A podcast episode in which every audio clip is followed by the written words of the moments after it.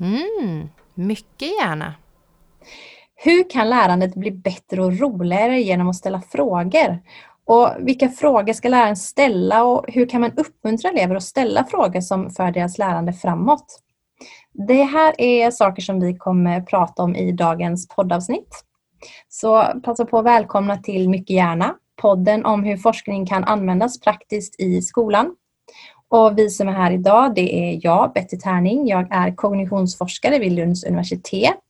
Och med oss på länk så har vi Kalle Palm och eh, jag är gymnasielärare men eh, har också hållit på med kognitionsvetenskap. Och till vänster om mig idag har vi Björn Sjödén. Jag är lektor i utbildningsvetenskap vid Högskolan i Halmstad men har också en bakgrund i kognitionsvetenskap här vid eh, Lunds universitet. Så Björn, om jag börjar med att ställa en kanske ganska vid fråga, men vad behöver man tänka på när man ska prata om det här att ställa frågor? Ja, det första tänker jag det är väl att man eh, får tänka på dels vilka frågor som läraren ställer till sina elever och naturligtvis å andra sidan vilka frågor som eleverna ställer till sin lärare för att de ska komma vidare i sin kunskapsutveckling. Eh, och när man läser om det här på engelska så tycker jag det är värt att notera att man, man, man blandar de här sakerna ibland och kallar det question driven learning, alltså frågedrivet eh, lärande. Men det, det, kan ju vara både från lärarens sida tänker jag och från elevernas sida. Sen, förutom de här två aktörerna som ställer frågor i klassrummet så kan man också tänka på vad de ställer frågor om, alltså vad själva frågeuppgifterna handlar om och det hoppas jag att vi också kan prata lite grann om. För en sak som är tydlig från forskningen det är att både lärare och elever behöver träning i detta. Det är inte självklart liksom vilka frågor som är bra för att man ska lära sig någonting och hur man känner igen de här frågorna i klassrummet eller i grupparbeten och så vidare. Precis, det där är ju en eh, kunskap i sig kanske, eller erfarenhet i sig. Men en, ett skäl i alla fall till att ställa frågor som lärare är ju att man vill väcka nyfikenhet hos eleverna. Eh, har du gjort det någon gång, Kalle? Eh, jag hoppas det. Ehm, alltså de gånger som man ställt riktigt dåliga frågor som har fallit platt i lektionen har man ju en tendens att förtränga. Men eh, häromdagen så höll vi på med elektrofysik och då sa jag till eleverna att, att en blixt är ju en eh, ström som går från ett moln till marken men luft kan ju inte leda ström. Så hur fungerar en blixt i så fall? Vad fick du för svar på detta? Ja, det, jag fick kanske inte så bra svar men eh, det uppstod ju... Eleverna fick diskutera med varandra och eh, de diskuterade friskt och försökte komma på lösningar på det här problemet. Det var en fråga som väckte mycket nyfikenhet. Precis, och då kanske det ändå fyllde någon, även om inte du fick korrekt svar så kanske du ändå ledde dem en bit väg mot en förståelse, eller? Eh, jag hoppas det. Men de flesta frågor som man ställer som lärare, eh, eller som jag ställer i alla fall, är ju typen att man, man ställer någon typ av faktafråga som man misstänker att en del av eleverna har koll på men inte alla och så svarar någon på frågan och berättar vad det är. Eh, och Sen så frågar man ju ofta också om, om eleverna har förstått eller inte. Får du något svar på det ofta? Nej, och jag vet inte om man vill ha svar på den frågan utan när jag ställer den så känns det Alltså, det är ju väldigt sällan någon säger nej. Det händer ju såklart. Men snarare är det så att när man ställer den frågan så ger man sig själv lite tid att titta på elevernas ansikten och försöka se om de har förstått eller inte. För oftast så, så ser man väldigt tydligt på elevers ansikten om de förstår eller inte. De gör olika typer av miner och sådär. Eh, hur stämmer forskningen med Kalles erfarenheter här då? Björn, vad skulle du säga? Ja, för det första kan man ju skilja mellan eh, typen av frågor här. Det tycker jag är, är, viktigt att göra. Alltså att skilja mellan frågor som syftar till att se om just eleverna svarar på det man eh, säger eller inte, om de verkar hänga med överhuvudtaget i undervisningen. Och å andra sidan ifall de har förstått vad man säger. För vad forskningen visar här är att elever ofta svarar ja av artighetsskäl så att säga om läraren frågar Hänger du med här? Är det här begripligt? Förstår du vad jag menar? Eh, då har ju liksom både frågan och svaret mer av en social funktion här. Och vi behöver då skilja mellan sådana artighetsfrågor och frågor som verkligen visar någonting om elevernas förståelse. Eh, och där visar dessvärre forskningen att det är de sämre eleverna eller de lågpresterande eleverna då som svarar ja i större utsträckning än de bättre och högpresterande eleverna. Eh, det det har möjligen att göra med eh, det vi kallar metakognition också, alltså om, om ens kunskap om sitt eget lärande och tänkande. Att om man inte kan så mycket om ett ämne, då kanske man också tror att man kan mer än vad man faktiskt kan. Men en typisk fråga, det påminner mig om en typisk fråga som jag kan ställa, kanske inte i helklass, men när jag pratar med en enskild elev. Eh, om man frågar då om eleven har förstått och den säger ja, då brukar de oftast få en följdfråga som, där de har chans att visa att de verkligen förstått. Alltså att man, man tar någon implikation av det man sagt eller något sånt där. Det där är en bra poäng, för där eh, måste sägas också att forskningen visar jätteolika resultat beroende på om man undersökt eh, klassrumssituationer i deras helhet eller om man tittar på mer en-till-en undervisning, alltså när man sitter enskilt med en elev. Det ställs alltså Ja, det var någon studie som visade på 240 gånger fler frågor i en sån här en-till-en situation jämfört med i klassrummet. Eh, så det är jättestor skillnad där i hur många frågor som ställs. Men sen är ju nästa fråga då hur eh, kvalitativt olika de här frågorna är. Ja, men jag tänker på det här med eh, de sociala frågorna som du sa. Att jag vet att jag har läst att lärare ger elever väldigt kort om tid till att svara på frågor oftast. Och Det tror jag beror på att man ofta ställer frågor som är av den här mer sociala naturen som håller liksom, det här artificiella samtalet igång, eller vad man ska kalla det. Och Om det är någonting som jag har tagit med mig av det jag läst så är det just det att när man ställer en fråga där man genuint vill att eleverna ska sitta ner och tänka efter. För oftast vill man inte det om man ställer frågan liksom, hur definieras spänning? Då, då är det oftast så, vet de det eller vet de det inte? Men om man, om man verkligen vill att de ska tänka så måste man också vara beredd på att ge en minut eller något sånt där att tänka. Och ofta ger man ju bara någon sekund. Och Då kommer man in på typen av fråga. Och Nu gav du exempel på en väldigt specifik eller strukturerad fråga. Och Det kan man jämföra med ostrukturerade frågor där det alltså inte finns ett tydligt svar. Som till exempel hur ska vi lösa klimatförändringarna? Och när passar den ena typen av fråga bättre än den andra? Ja, där kan man tänka på vad eleverna redan kan om ämnet. Ja, för det första så tänker jag att den här eh, första typen av frågor, de strukturerade frågorna, är väldigt vanliga i läroböcker. De är också väldigt vanliga bland lärare eh, att ställa i klassrummet.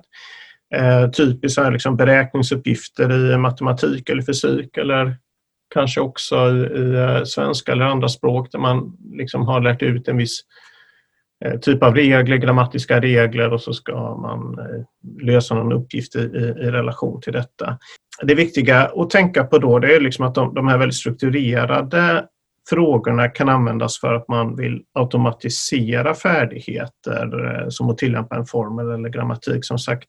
Men där eleverna redan har den här bakgrundskunskapen. Om man däremot är intresserad av själva kunskapsprocessen, alltså hur eleverna beter sig för att lösa ett problem, vilka källor de använder sig av och hur de kommunicerar med varandra och vilka motfrågor de då ställer till läraren för att komma vidare i den processen. Då vill man ha de här öppna eller ostrukturerade frågorna som du nämnde. Men ibland så kan man ju ställa en fråga som har ett väldigt tydligt definierat svar men som ändå har en kräver en ganska komplex eh, och ostrukturerad eh, väg dit. Eh, jag tänker på, jag ställde en fråga häromdagen till en elev att Mount Everest och Kilimanjaro ligger ju på olika kontinenter och så man kan ju inte se båda de två samtidigt. Men om man är i rymden så ser man ju båda samtidigt. Och då ställde jag frågan, hur högt upp behöver man egentligen befinna sig för att kunna se de här två bergen samtidigt? Och den frågan har ju ett bestämt svar, det är ett visst antal meter. Men det är inte så att vi har övat på precis hur man ska gå tillväga för att lösa den här, problem, den här typen av problem. Så man måste ju komma på allt det. Men det viktiga för dig som lärare då, tänker jag, blir att du också får ett svar då på det som du faktiskt är intresserad av, nämligen inte i första hand hur högt upp man måste komma för att se båda de här bergen utan det du är intresserad av är alltså hur eleverna har tagit sig fram till den lösningen. Och om de har arbetat systematiskt, korrekt och, och rådfrågat eh, adekvata källor och så vidare, eller hur? Precis. En reflektion här är att vare sig vi pratar om ehm, klimatförändringar här eller den typen av problem som du just nämnde, Kalle, så är det viktigt att man som lärare tänker på hur eh, den här problemlösningssituationen ramas in så att man vare sig ger för mycket eller för lite support som eh, lärare till eleverna. Eh, risken som vi har sett eh, också när vi pratade om problembaserat lärande här tidigare är att eh, elever ganska ofta lämnas med en uppgift eh, där de praktiskt taget inte får något stöd alls från läraren. Och då, vad som händer då är att de kommer att förlita sig på sina förkunskaper. Det vill säga, då blir den här ostrukturerade frågan eller problemet på samma sätt som om de hade stått inför en strukturerad fråga, det vill säga man utgår från sina förkunskaper, det är det man har och så använder man dem för att söka ett specifikt svar. Eh, alternativt att man får för mycket stöd från läraren så man får massa stödpapper eller sådär med ledande frågor så det närmast blir som att fylla i en lucktext eller att gissa vad läraren tänker på för svar och när man har gjort det så är man klar med uppgiften. Utan utmaningen här handlar verkligen om att hitta det här gyllene mellanläget då, att man får man kanske delar ut papper eller artiklar eller böcker till hjälp eller eh, anvisar webbkällor eller något sånt där till eleverna men låter dem sedan själva då formulera frågor på vägen för att lösa den här uppgiften. Mm. Och precis som du säger Björn, så jag tänkte på det förut att jag antar att det uppkommer många nya frågor eller många frågor från eleverna själva när de försöker besvara kanske mer komplexa frågor som den här med Mount Everest och, och Kilimanjaro. Och då blir jag väldigt nyfiken på hur man kan använda elevernas egna frågor för att, eller som ett mått på deras eget lärande eftersom vi nämnde det i början. Ja, det här är väldigt svårt för att e-, eleverna eleverna ställer ju så olika frågor och eh, de vet ibland, eller de vet nästan aldrig själva om det är hur bra frågorna är egentligen. Så ibland ställer någon en fråga som de liksom ber om ursäkt för och den här är så enkel. Men den fångar liksom själva essensen av det man håller på med. Mm. Och ibland så tycker någon att någon ställer en jättefancy, komplicerad fråga som i själva verket bara kan besvaras med ett ja eller nej. Det där är ju en jätteintressant aspekt tycker jag för att det just med avseende på att frågorna kan vara väldigt avslöjande så att säga för hur mycket eleven redan kan. Eh, och där måste jag berätta om en studie som man gjorde i USA där man eh, kollade just på det här om å ena sidan vilka svar som eleverna producerade när man eh, hade ställt dem inför ett ganska komplext problem. I det här fallet så handlade det om att formulera en plan för att rädda en utrotningshotad art som havsörnen och hur man skulle, vad man behövde tänka på, hur man skulle kunna göra för att eh, komma fram till detta. Och den här uppgiften hade man givit både till collegestudenter och till femteklassare i USA som sagt. Och faktum var att ingen av de här grupperna var särskilt bra på att komma fram till en lösning eh, hur man skulle rädda havsörnen. Så om man bara då hade tittat på vad de faktiskt kom fram till och vilka fakta de eh, visade och så vidare så hade man inte sett någon större skillnad i deras lärande.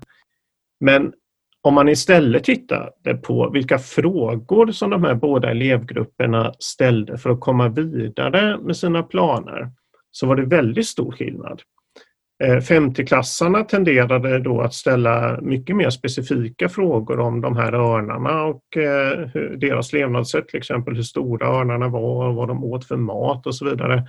Medan college-studenterna ställde frågor som visade på en insikt om mycket mer komplexa förhållanden som är viktiga att tänka på för örnarnas skull, som till exempel hur, vilket slags ekosystem trivs de här örnarna i och vilka rovdjur hotar örnarna och deras ungar och har hoten mot örnarna förändrats idag jämfört med tidigare och så vidare.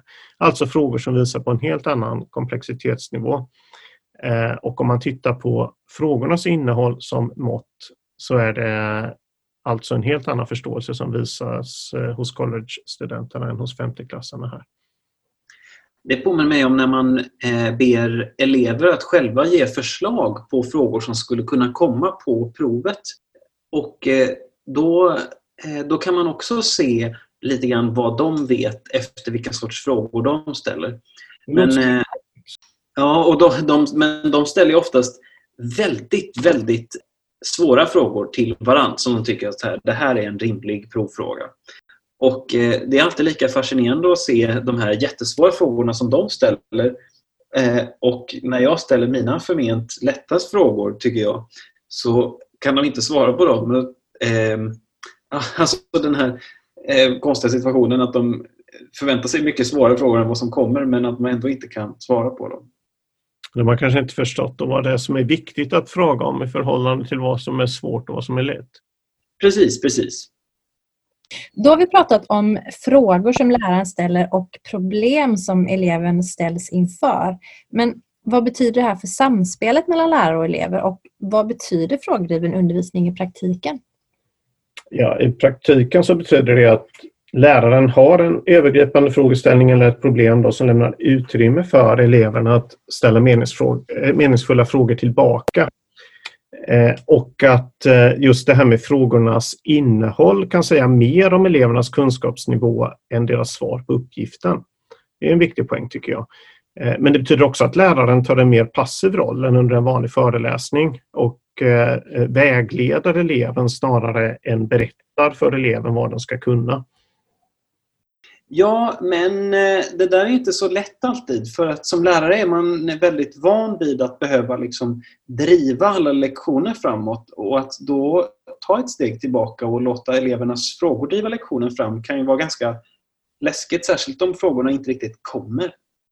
Nej, det ställer ju ganska höga krav på att man har eh, som sagt en lagom strukturerad uppgift för dem. Så att man kan förvänta sig att det också går att formulera bra frågor tillbaka utifrån det material som man har givit dem. För att sammanfatta dagens avsnitt, vad tar du med dig från dagens diskussion, Kalle? Något som jag inte tänkt på med frågor är just att eh, den här fråga-svar-strukturen som finns i klassrum kanske inte handlar så mycket om kunskapskontroll utan att den fyller någon sorts social funktion snarare.